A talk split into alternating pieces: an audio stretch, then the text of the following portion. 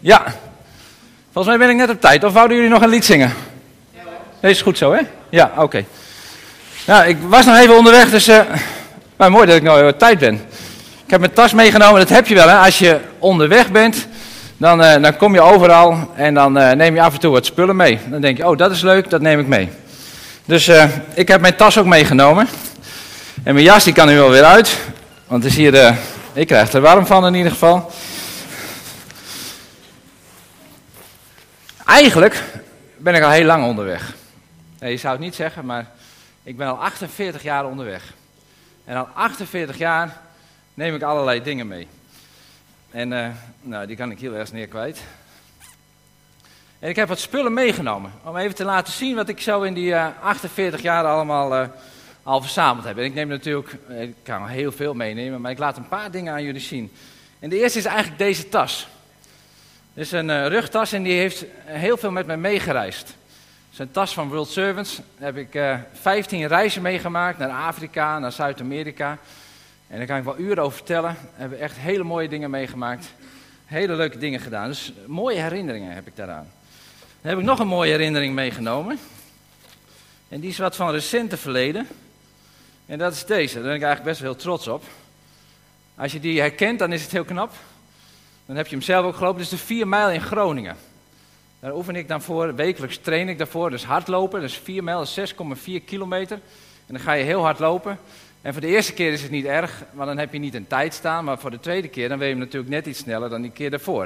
En ik heb hem al een paar keer gelopen. En eh, ik heb hem afgelopen oktober ook gelopen. En dan was ik zo blij dat ik onder de 32 minuten liep. Dus dan loop je 12 sneller dan 12 km per uur. Ja, dat kunnen jullie allemaal wel, maar voor mij is dat best wel een hele actie. Dus daar heb ik heel hard mee gelopen. Daar ben ik best heel trots op. Dat is een hele mooie herinnering. Dus die, eh, die wil ik heel graag bewaren. Nou, en zo neem je allerlei dingen mee. Heb ik nog iets meegenomen. Ja, dan zou je denken, wat is dit nou? Dat is mijn kluisje. Vroeger kreeg ik dat en kon ik daar mijn spaargeld wat in doen. Ehm, maar wat ik, waar ik dit ook voor gebruikte, dat was namelijk toen ik een jaar of 16 was. Toen zijn we verhuisd van Sneek hier naar Drachten. Mijn vader kreeg hier werk en dan was het handig dat we hier in Drachten zouden gaan, eh, gaan wonen. En ehm, ehm, ik zat in, in 3 HAVO en hier ging ik dan naar 4 HAVO toe. En in 3 HAVO had ik een hele leuke klas. Ik had hele leuke vrienden en ik ging met plezier naar school en het was hartstikke leuk. En eh, ik hou ook wel van nieuwe dingen, dus ik dacht, nou verhuizen is ook heel leuk. Dus we gingen verhuizen en ineens kwam ik in een klas, 4 HAVO. En iedereen had zijn eigen vakkenpakket, dus we hadden eigenlijk niet een vaste klas. En toen kwam ik erachter dat ik deze mensen helemaal niet zo goed kende. En eh, ja, dat ze ook niet op mij zaten te springen. En eh, dat ik wel naar school ging en dat ik dacht van, ja, ja nou ja ik, had een vriend op een gegeven moment, maar heel veel mensen kende ik niet. En toen miste ik heel erg de klas die ik had op 3 HAVO, die ik in Sneek had. Dus verhuizen leek heel leuk, uiteindelijk vond ik het helemaal niet leuk. Ik zat een beetje alleen in de klas en ik kon me niet goed vermaken. Uiteindelijk is het gelukkig goed gekomen, maar in deze kluis schreef ik dan wat dingen op, of de, brieven in, of de kaartjes die ik schreef en die ik kreeg. Toen stopte ik mijn herinneringen in van Sneek. Die waren toen op dat moment veel beter dan de ervaringen die ik toen in, uh, in Drachten had. Dus dat is een minder mooie herinnering, maar die zaten hier ook in. En dan heb ik nog, nog een herinnering. Dat is ook wel een beetje een verdrietige herinnering, moet ik eerlijk zeggen. Dit is een steen. En op die steen staat Cornelis van Wieren, 5 juli 1940. En overleden op 14, 10, 14 oktober 2011. Dat is uh, mijn vader. Mijn vader is overleden in uh, 2011. En uh, nou, een, een, een, half jaar daarvoor kreeg hij te horen dat hij allerlei vlekken had, of allerlei tumoren in zijn hoofd had. En dat hij nog een half jaar te leven had. En dat heeft ongeveer een half jaar geduurd, inderdaad. En toen is hij overleden. Ik heb hele goede herinneringen aan mijn vader. Uh, maar ook wel slechte herinneringen. Ik ben ook wel eens heel boos op hem geweest. En, uh, dat hij mijn mooie ideeën die ik dan bedacht had, dat hij daar heel kritisch op was. dat ik vond dat hij dat afkeurde, maar nou, achteraf denk ik, hij keurde het niet af, maar hij luisterde naar, maar hij wilde het nog beter maken, want hij was een beetje kritisch ook wel. Um, maar hij is overleden en nou, nou mis ik hem ook wel. Zeker wel. En soms gaan de dagen en weken voorbij dat ik er even niet aan denk. Maar zeker op zo'n dienst, als je dit aan het voorbereiden bent, dan moet ik aan mijn vader terugdenken. En dan Af en toe dan kijk ik naar mijn handen en dan denk ik, oh ja, dat lijken zijn handen ook wel een beetje. En reageer ik naar de kinderen en denk oh, zo deed mijn vader het ook. En langzamerhand begrepen, ga ik hem steeds meer begrijpen. Ook in de dingen die ik toen niet begreep. dan denk ik, oh ja, daarom deed hij dat waarschijnlijk, want zo doe ik het ook. Nou, zo heb ik een tas met herinneringen, met hele mooie herinneringen en met hele verdrietige herinneringen. En vanochtend, ik weet niet of je hem op de biermen zou kunnen zetten, uh, willen we daar met jullie uh, ook bij stilstaan. We hebben één keer per jaar hebben we een dienst over verlies, over rouw, over pijn, wat je in je leven kan meemaken. Je kan hele mooie dingen in het leven meemaken, daar heb ik wat voorbeelden van laten zien en dat kun je zelf ook. En je maakt onderweg in het leven, hoe oud je ook bent of hoe jong je ook bent, mooie dingen mee en minder mooie dingen mee. We zijn onderweg en in dat onderweg zijn kom je verdriet tegen, kom je verlies tegen en kom je rouw tegen. Nou, in dat perspectief, vanuit dat perspectief willen we vandaag daarbij stilstaan. En hier staan kaarsjes en hier staat een kaars. En je hebt een steen gekregen en daar gaan we vanochtend iets mee doen met elkaar. Wil je eerst even meenemen naar de koning David. David, ik denk dat de meesten van ons David wel kennen. David heeft ook een heel leven waarin hij hele mooie dingen heeft meegemaakt. En hij heeft een leven gehad waarin hij hele moeilijke dingen, hele vervelende, hele verdrietige dingen heeft meegemaakt. En koning David, hij moet een volk leiden. Een volk, een groot volk leiden. En daar is hij de leider van, daar is hij de koning. En heeft hij wel wat wijsheid bij nodig. En je zou denken, wat zou het nou mooi zijn als een koning een koningsopleiding heeft gehad. Maar ja, dat heeft hij niet gehad, David. Hij is niet altijd koning geweest, maar daarvoor had hij een ander beroep. En misschien weet een van de kinderen welk beroep David had. Werkte hij bij de HEMA of was die piloot? Ik ben het even kwijt. Wie weet. Oh, kijk. Hij was schaapherder. Heel goed. Hij was schaapherder. David was schaapherder. En daar heeft hij zijn opleiding gehad om later als koning te zijn. Als koning moest hij een volk leiden. En als herder, wat moest hij als herder doen? Moest hij de schapen leiden. En David, die heeft een hele mooie psalm geschreven. We hebben er net ook al van gezongen. Jezus is de goede herder. En het psalm 23, dat wil ik vanochtend met jullie doornemen. En met elkaar lezen en kijken wat dat met dit thema te maken heeft. Dus David, de koning, de herder, die heeft psalm 23 geschreven. En omdat het ook een gezinsdienst is, wil ik het uit het boek voorlezen. Psalm 23, voor heel veel mensen een heel bekende psalm. Uh, en misschien wordt hij nu voor anderen ook steeds weer een beetje meer bekend. Een psalm van David. De Heere is mijn herder, dus heb ik alles wat ik nodig heb. Hij laat mij uitrusten in een groene weide en wijst mij de weg langs kabbelende beekjes. Hij verfrist mijn innerlijk en leidt mij op de weg waar zijn recht geldt, tot eer van zijn naam. Zelfs als ik door een donker dal moet, ben ik niet bang, want u bent dicht bij mij. U bewaakt mij en gaat de hele weg met mij mee. U bereidt heerlijk eten voor mij, waar mijn vijanden bij zijn. U behandelt mij als een persoonlijke gast. U zegent mij overvloedig. Uw goedheid, liefde en trouw mag ik mijn hele leven ervaren. En daarna mag ik voor eeuwig bij u wonen in uw huis. Psalm 23. Er zijn drie punten die ik daar met jullie wil aanstippen. En die punten zijn de herder, de schapen en waar die schapen dan een beetje rondlopen. Dat is het eerste stukje. Het tweede stukje is wanneer het donker wordt. David heeft het erover dat het donker wordt. Dus dat is dat tweede plaatje. En het derde punt wat we ook gaan pakken, dat is de steen die jullie gekregen hebben. Als het goed is, hebben jullie allemaal een steen gekregen bij de ingang. En daar gaan we zo meteen iets mee doen. En daarna gaan we ook met wat hiervoor staat, met de kaarsen, iets doen. Pak eerst het eerste punt even. Als je het hebt over schapen, dan denken wij gelijk aan dit. Het is een mooi weiland, eh, lekker groen gras. En die schapen die grazen daar een beetje de hele dag. En die lopen wat heen en weer. En die spelen wat. En er kan hun geen kwaad overkomen, want er zit een heel mooi hek omheen. Hè? Ze lopen niet weg. En als de, de eigenaar van die schapen, we noemen hem tegenwoordig al niet eens meer een herder, maar de eigenaar van die schapen, als die zorgt dat het hek een beetje dicht blijft, dan komt het helemaal goed met die schapen. Zo was het niet. Maar stel je nou eens voor dat het nu een beetje zou zijn zoals vroeger, dan krijg je dit idee een beetje. Stel dat er geen hek omheen zit, dan lopen die schapen zomaar wat. Volgens mij is dit Groningen. Ja, en als je het schaap bij de McDonald's langs loopt, of bij een ander restaurant, dan gaat het niet goed met je. Nee.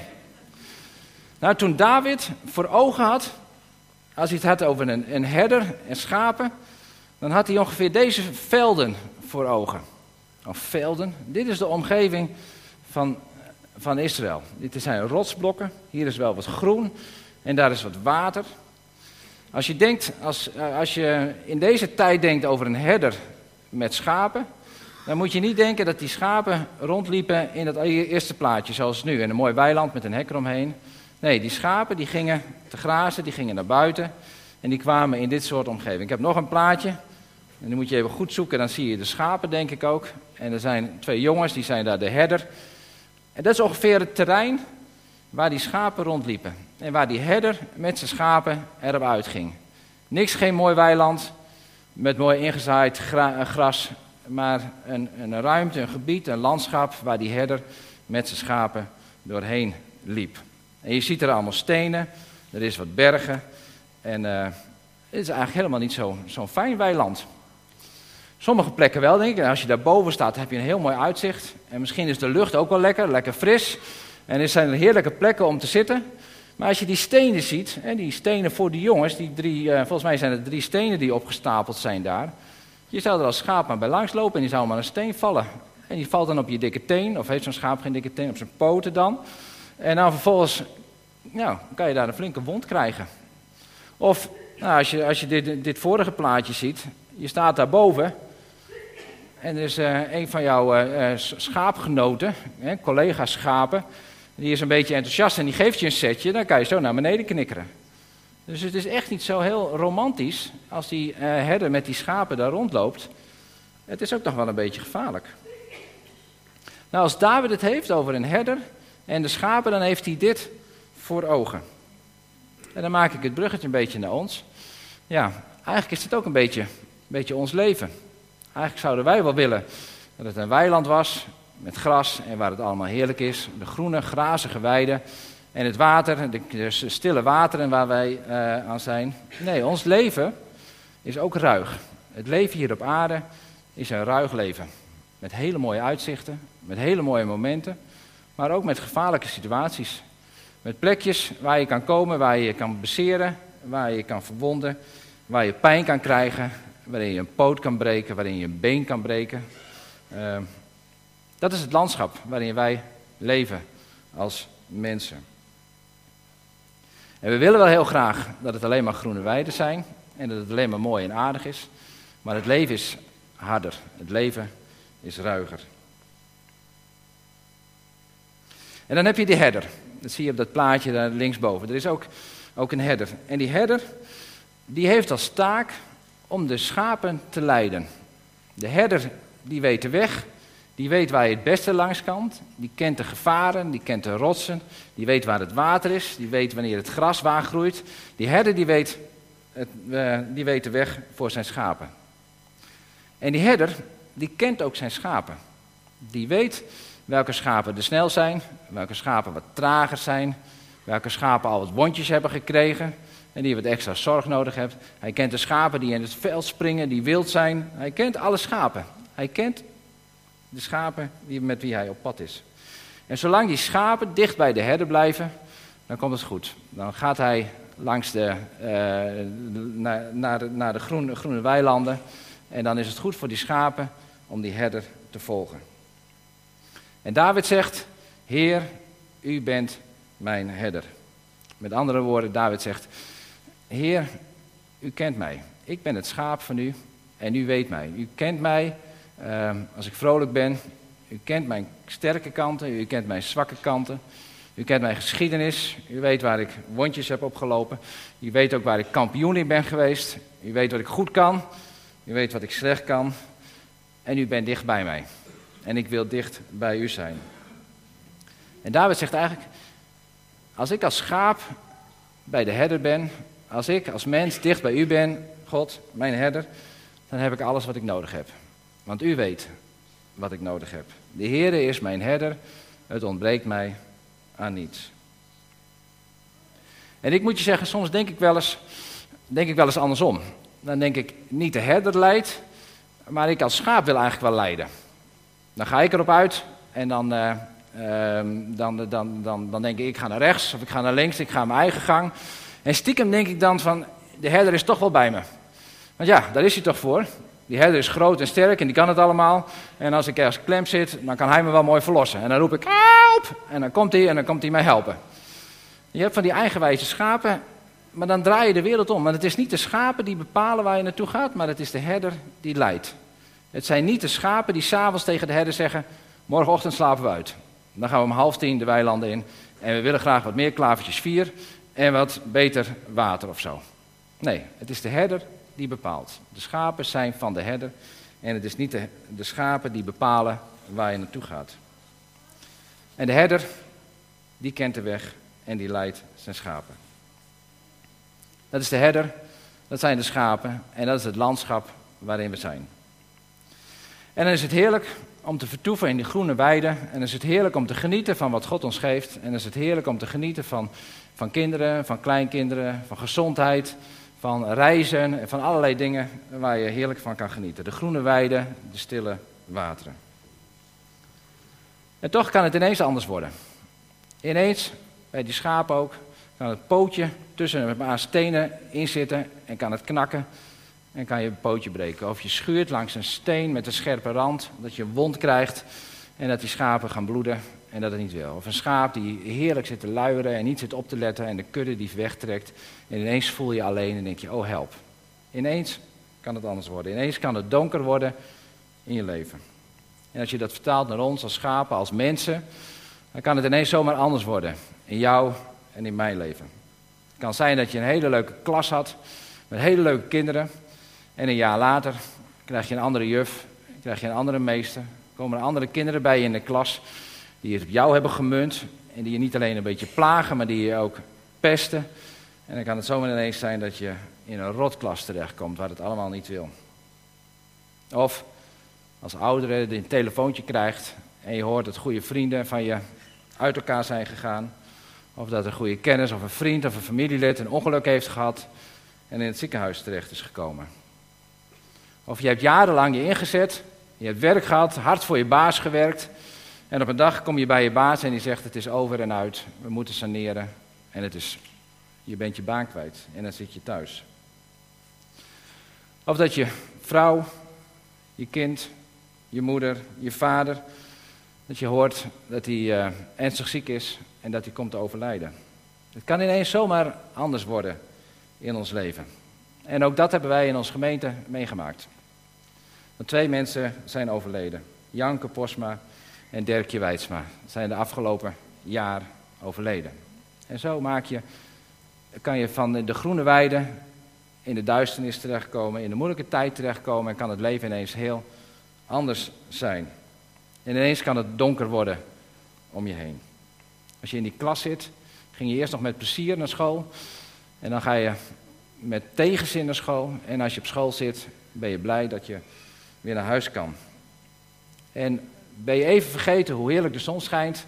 Als je het verdrietige nieuws gehoord hebt van die kennis die in het ziekenhuis terecht is gekomen. Of die echtscheiding die uh, anderen hebben meegemaakt. En dan maalt je dat door je hoofd en word je daar verdrietig van. Of voel je na die 20, 30, 40 sollicitaties die je gedaan hebt, uiteindelijk ook nutteloos en denk je, joh, wie zit er nou in de vrede nog op mij te wachten in deze wereld? En kan het je moedeloos worden en word je verdrietig.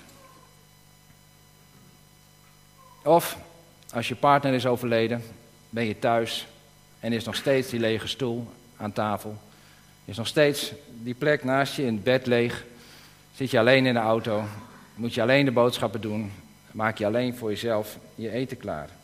En de stilte komt je tegemoet. Of ontdek je dat als je vader overleden is en ook je moeder overleden is, dat je ineens geen kind meer bent. Dat je vader en moeder allebei weg zijn. Zo kun je van de, de groene weide, waar het heerlijk is, ineens in de duisternis komen, in de donkerheid van het leven komen. Waar pijn en waar verdriet is en waar gemis is. En daar heeft David het ook over. Hij schrijft eerst over die groene weide en dan zegt hij, al kom ik in een dal van duisternis, zelfs al ga ik door een dal van duisternis. David kent het ook. En je hoort David niet zeggen van, beste herder, daar had u voor moeten zorgen. U had ervoor moeten zorgen dat die stenen daar niet lagen. U had ervoor moeten zorgen dat er geen ellende was. Want u was toch een goede herder. En u bent toch een goede God die het allemaal kan voorkomen. Nee, dat zegt David niet. Maar David zegt, ik ga door die dal van diepe duisternis. Hij verwijt God niet dat hij het allemaal had moeten veranderen. Maar hij zegt, zelfs al ga ik door een dal van diepe duisternis. U bent daar. Het is God die met ons meegaat, die er is. Is God die naast David staat, die naast de herder, die naast de schapen is. En dat geldt ook voor jou en mij. Dat is wat we ook van deze psalm mogen, mogen leren. Deze wereld is ruig. Deze wereld is mooi. En deze wereld is triest. Waar gevaren zitten en waar verdrietige dingen zijn. Er zijn mooie dingen, maar we worden ook voortdurend geconfronteerd met verlies en met rouw en met pijn in deze ruige wereld. Want we zeggen ook wel, deze wereld is een gebroken wereld. En we zeggen niet tegen God, dat had u maar moeten voorkomen. Nee, deze wereld, dit is de wereld waarin wij leven. En David heeft het goede nieuws. En David zegt, maar u bent bij mij. Al ga ik door een dal van diepe duisternis, u bent daar, u bent bij mij. En wat wil die herder doen? Die herder die leidt ons naar de groene stroken, hij leidt ons naar het water, maar hij leidt ons ook door de duisternis heen. En inderdaad, soms leidt hij ons om de duisternis heen, maar soms leidt hij ons ook dwars door de duisternis heen. Dan is er geen ontkomen aan en dan is die duisternis en dan is het pijn en de verdriet in ons leven. En hij is naast ons, maar hij staat niet stil. Hij is de herder die ons er doorheen wil leiden. Ik las ook de Statenvertaling en in de Statenvertaling staat, al ga ik door de schaduw van de dood. Daar wordt de dood heel letterlijk genoemd. Als we te maken krijgen met dood, dan is Hij daar. Hij is naast ons en Hij wil ons leiden. Hij verandert de omgeving, lang niet altijd, maar zijn, zijn aanwezigheid in ons leven maakt dat we er niet alleen voor staan. En hoe doet hij dat? Een herder heeft een stok en een staf heeft hij bij zich. En die stok die heeft hij bij zich om de wilde dieren aan de kant te houden. Dus de gevaren van buiten, de herder is er om ons te beschermen tegen gevaren van buiten, van mensen die ons kapot willen maken. En hij heeft een staf. En met die staf, heb ik gelezen, daar kan hij de schapen een beetje mee, mee, mee vooruit duwen. Je kan je voorstellen als het donker is, in de duisternis, dan is die staf ook heel handig. Dan duwt hij die schaapjes een beetje aan de kant, zodat ze niet nog van de richel afglijden. Met zijn stok en met zijn staf leidt hij ons verder. En wat staat er? Die stok en die staf, die vertroosten ons. God is er, hij staat naast ons en hij wil ons troosten. Hij wil de tijd nemen om ons te troosten. Daar waar wij verdriet hebben, daar waar we pijn hebben in ons hart, daar wil Hij er zijn om ons te troosten. Hij negeert het niet. Hij zegt niet, daar heb ik geen tijd voor. Nee, Hij wil troosten. Volgens mij hebben jullie allemaal een steen gekregen. Ik heb ook een steen bij me. En dit is een beetje een, een donkere steen. En de meeste stenen, je mag hem wel even pakken.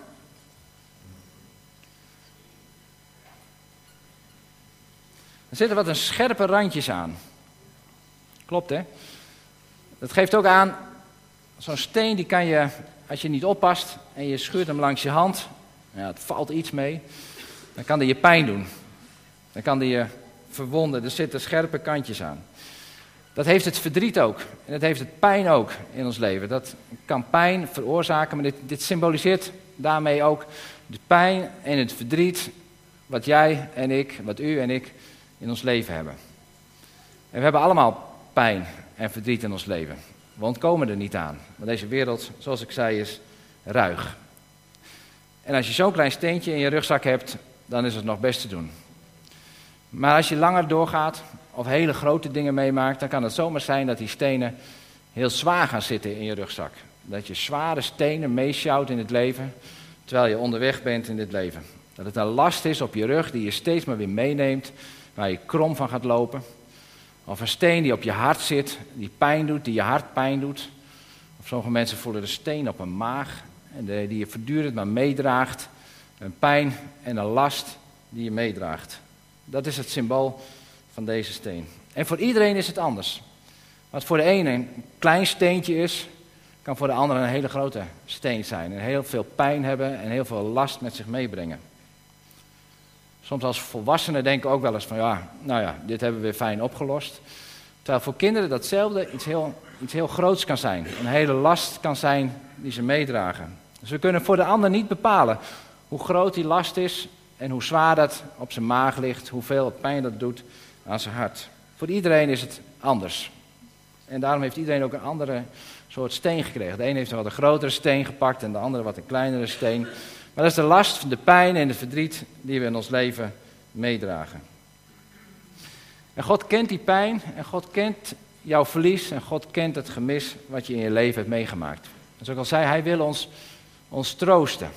En als we verder lezen in deze psalm, als we kijken naar, naar vers 5, dan staat er dat Jezus ons uitnodigt, dat die herder ons uitnodigt voor een maaltijd.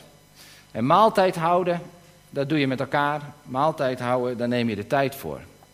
En dat is wat God ook wil. Hij neemt de tijd om naar je te luisteren. Hij neemt de tijd om je te troosten. En hij gaat ervoor zitten. Het is niet van, uh, nou, in je rugzak en weer doorlopen. Nee, God neemt de tijd om naar jouw pijn te luisteren en om jouw tranen te zien. En hij zalft je hoofd met olie. Dat staat er ook. En olie werd voor twee dingen gebruikt, of het staat voor twee dingen. In de eerste plaats werd olie ook om wonden te verzorgen. Nou, we lopen allemaal wonden op in ons leven, terwijl we onderweg zijn. Dat is het pijn en het verlies. En God neemt de tijd om met de olie om onze wonden te helen.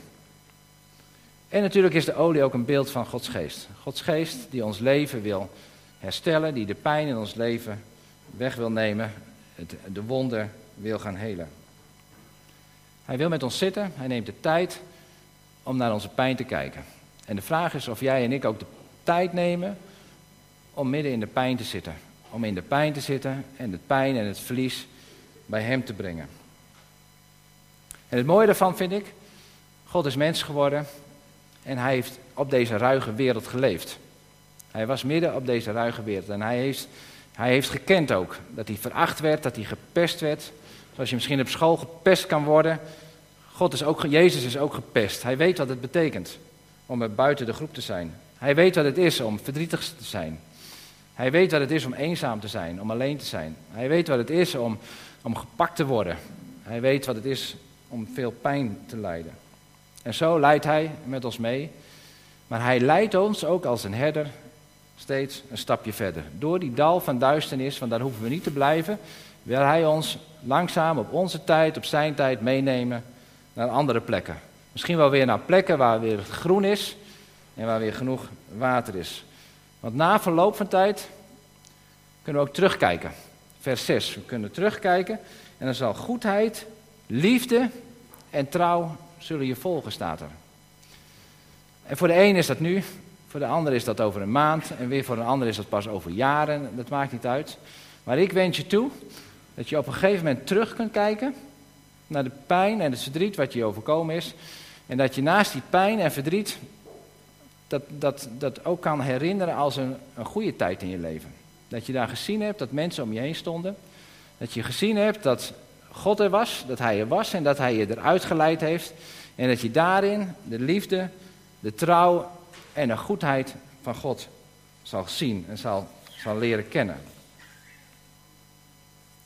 Zodat de last van deze steen niet meer een last gaat worden of steeds minder een last gaat worden, maar dat het een steen zal worden van een mooie herinnering. En zoals ik die herinneringssteen van mijn vader net heb laten zien, dat ik daar steeds meer met, met mooie herinneringen aan terug kan kijken. De mooie dingen die hij gedaan heeft, uh, waar ik samen van kan genieten en waarin ik mezelf ook steeds weer tegenkom. En daarin hebben we elkaar nodig. Want als je in de pijn zit, dan kijk je nog helemaal niet terug. En dan heb je helemaal nog geen mooie herinnering. Maar dan is het je pijn, het verdriet waar je middenin zit. Maar misschien is degene naast jou, met wie je straks koffie drinkt, met de mensen die je optrekt in de huiskring, zijn die in andere dingen op een andere plek verder. En kunnen die getuigen naar jou van ja, ik, ik weet dat het weer zo is. Dat God met je meegaat en dat hij troost en dat hij geneest. Ik had het over die verhuizing van Sneek naar Drachten. Als ik daar nu op terugkijk, dan voel ik die pijn al niet meer die ik toen had. Maar dan denk ik, wauw, dat is goed geweest. Dat is heel goed geweest. Dan, uh, anders was ik misschien wel nooit in deze gemeente geweest. Dan ken ik jullie helemaal en jullie mij niet eens. Nou, er zijn ook hele mooie dingen die daaruit uit voort kunnen komen. En dan kan ik nu terugkijken op dankbaarheid. En ik kan me ook een beetje inleven in mensen die alleen zijn. En die verhuisd zijn en die niet lekker in een groep zitten. Dat heb ik meegemaakt. En zo kunnen we ook aan elkaar delen wat God doet in ons leven, want Hij leidt ons verder. Hij laat ons niet in die dal van duisternis zitten. Hij neemt de tijd voor herstel en voor genezing en Hij wil ons verder leiden. Als wij Hem volgen en dicht bij Hem willen blijven. En nu staan hier kaarsjes, je hebt een steen en dan willen we dat ook, uh, ook praktisch maken. Je krijgt de gelegenheid om daar ook uh, uh, handen en voeten aan te geven. In de eerste plaats willen we dat ook doen door de twee gemeenteleden te herinneren ook, die ons afgelopen jaar ja, ontvallen zijn, die niet meer in ons midden zijn. Waarin het ook een dal van duisternis was voor de familie en ook voor ons als gemeente. En er is licht, want als het duisternis is, daar hoort licht bij te komen. Licht wat warmte brengt en licht wat ons uh, wijst ook op Jezus Christus. En bij het steken van die kaars, we gaan zo meteen die kaars aansteken, dan willen we daarmee ook laten zien dat het hier niet eindigt. Dat het niet eindigt in de duisternis, maar dat we onderweg zijn uh, naar het licht. En dat het licht sterker is dan de dood. Dat de dood niet het laatste woord heeft, maar dat Jezus Christus het laatste woord heeft. En dat hij gewonnen heeft van de duisternis. En daarom is het ook heel mooi om dit op eerste advent te vieren, want we kijken vooruit naar het licht, Jezus Christus, die zal komen. En daarom wil ik zo meteen vragen of uh, Ronald uh, Posma en of Gerard Weidsma zo meteen naar voren willen komen. Om, die staan twee kaarsen uh, voor, voor de gemeenteleden die overleden zijn. Dat waren Janke Posma van Kampen, Kampen, die op 81-jarige leeftijd overleden is op 29 maart. En de, de vrouw van, uh, van Douwe. En de moeder van Ronald. En op 97-jarige leeftijd is Dirkje Weidsma Visser overleden. Op 14 juni. En uh, die was de moeder van Gerard uh. En zij zijn hier ook allebei. Maar ook in je eigen leven. Wij missen deze gemeenteleden. Maar je hebt ook misschien een hele dierbare verloren. Kort geleden, lang geleden. En zometeen als zij de kaarsen hebben aangestoken, dan mag je ook naar voren komen om een kaartje voor hen aan te steken. Om daar je herinnering te plaatsen en uh, het licht ook voor hen aan te steken. En hen te gedenken in de duisternis van jouw leven. Maar je hebt ook die steen gekregen met die scherpe kantjes. En uh, als je straks zo meteen deze kaars hebt aangestoken, dan kun je daar naartoe gaan, of je kan daar naartoe gaan. En wat je mag doen, is die steen, die scherpe steen, omwisselen voor een witte steen. De, de, de last van de zwarte steen, deze symbool staat voor pijn en het verdriet in je leven, dat je die om mag wisselen voor een witte steen met zachte randjes. Als beeld dat het geen last mag zijn in je leven, meer hoeft te zijn, maar dat het een, een, een herinnering mag zijn in je leven. En misschien zeg je wel, daar ben ik nog helemaal niet aan toe. Dus pijn is nog zo hard in mijn leven, dan hoef je hem niet om te wisselen.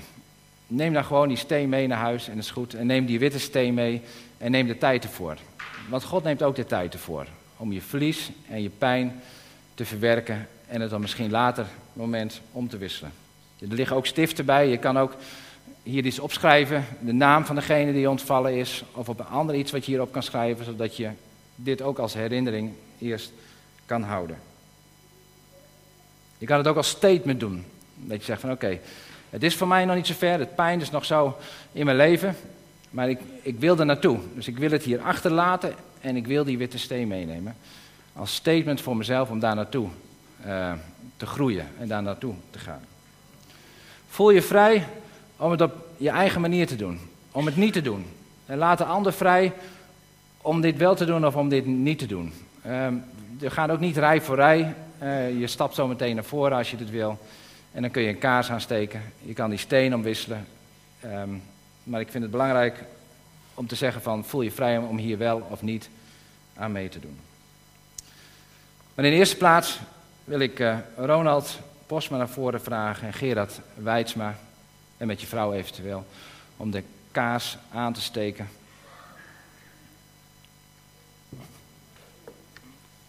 Je mag maar die kaas aansteken. Gerard, mag je aan die kant? Ja. En zo willen we ook gedenken voor de twee gemeenteleden die overleden zijn. Ik wil jullie vragen, als je wil, om naar voren te komen, om een kaas aan te steken, om de steen om te wisselen, om iets te schrijven op je steen en om zo weer naar je eigen plek te gaan.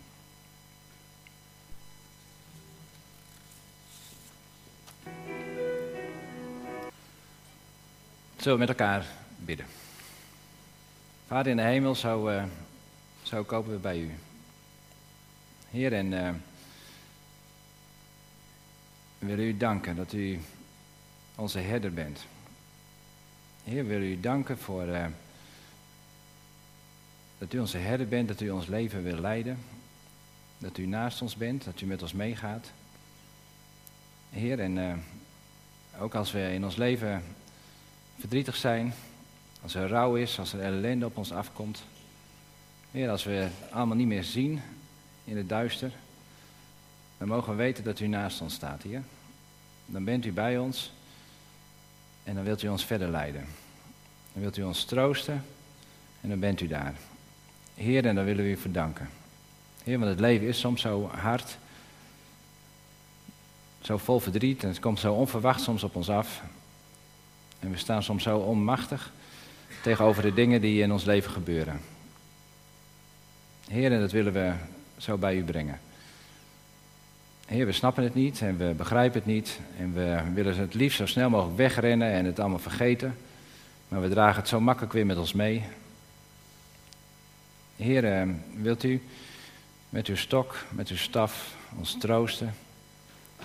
Heer, we willen tijd nemen om het verdriet met u te delen, zodat u kan troosten, zodat u kan helen, zodat u ons verder kan leiden en ons weer wat licht kan laten zien aan het eind van de tunnel.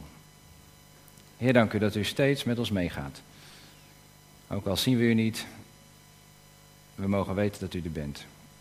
Heer, en zo bid ik voor ons als gemeente, voor de gemeenteleden. Heer, als we soms bidden en het idee hebben dat u, dat u het niet hoort, dat we vastzitten in ons verdriet. Heer, wilt u genadig zijn met ons en ons tijd geven om weer opnieuw bij u terug te kunnen komen. En wilt u bovenal er zijn voor ons in ons leven, in onze pijn, in onze moeite. Heer, en ik bid ook dat we elkaar daarmee ook kunnen bemoedigen in wat u doet. Wat u gedaan hebt in ons leven. Zodat we met elkaar als kudde kunnen optrekken, elkaar bemoedigen en met elkaar op pad kunnen zijn. Heer, en zo uh, dank ik u voor dit moment, voor het terugkijken in ons leven. Dank u dat u uh, uw woord gegeven hebt voor David, die uw woorden deelde. En dat we zo met die bemoediging weer verder mogen gaan. U bent altijd bij ons. Dank u wel. Amen.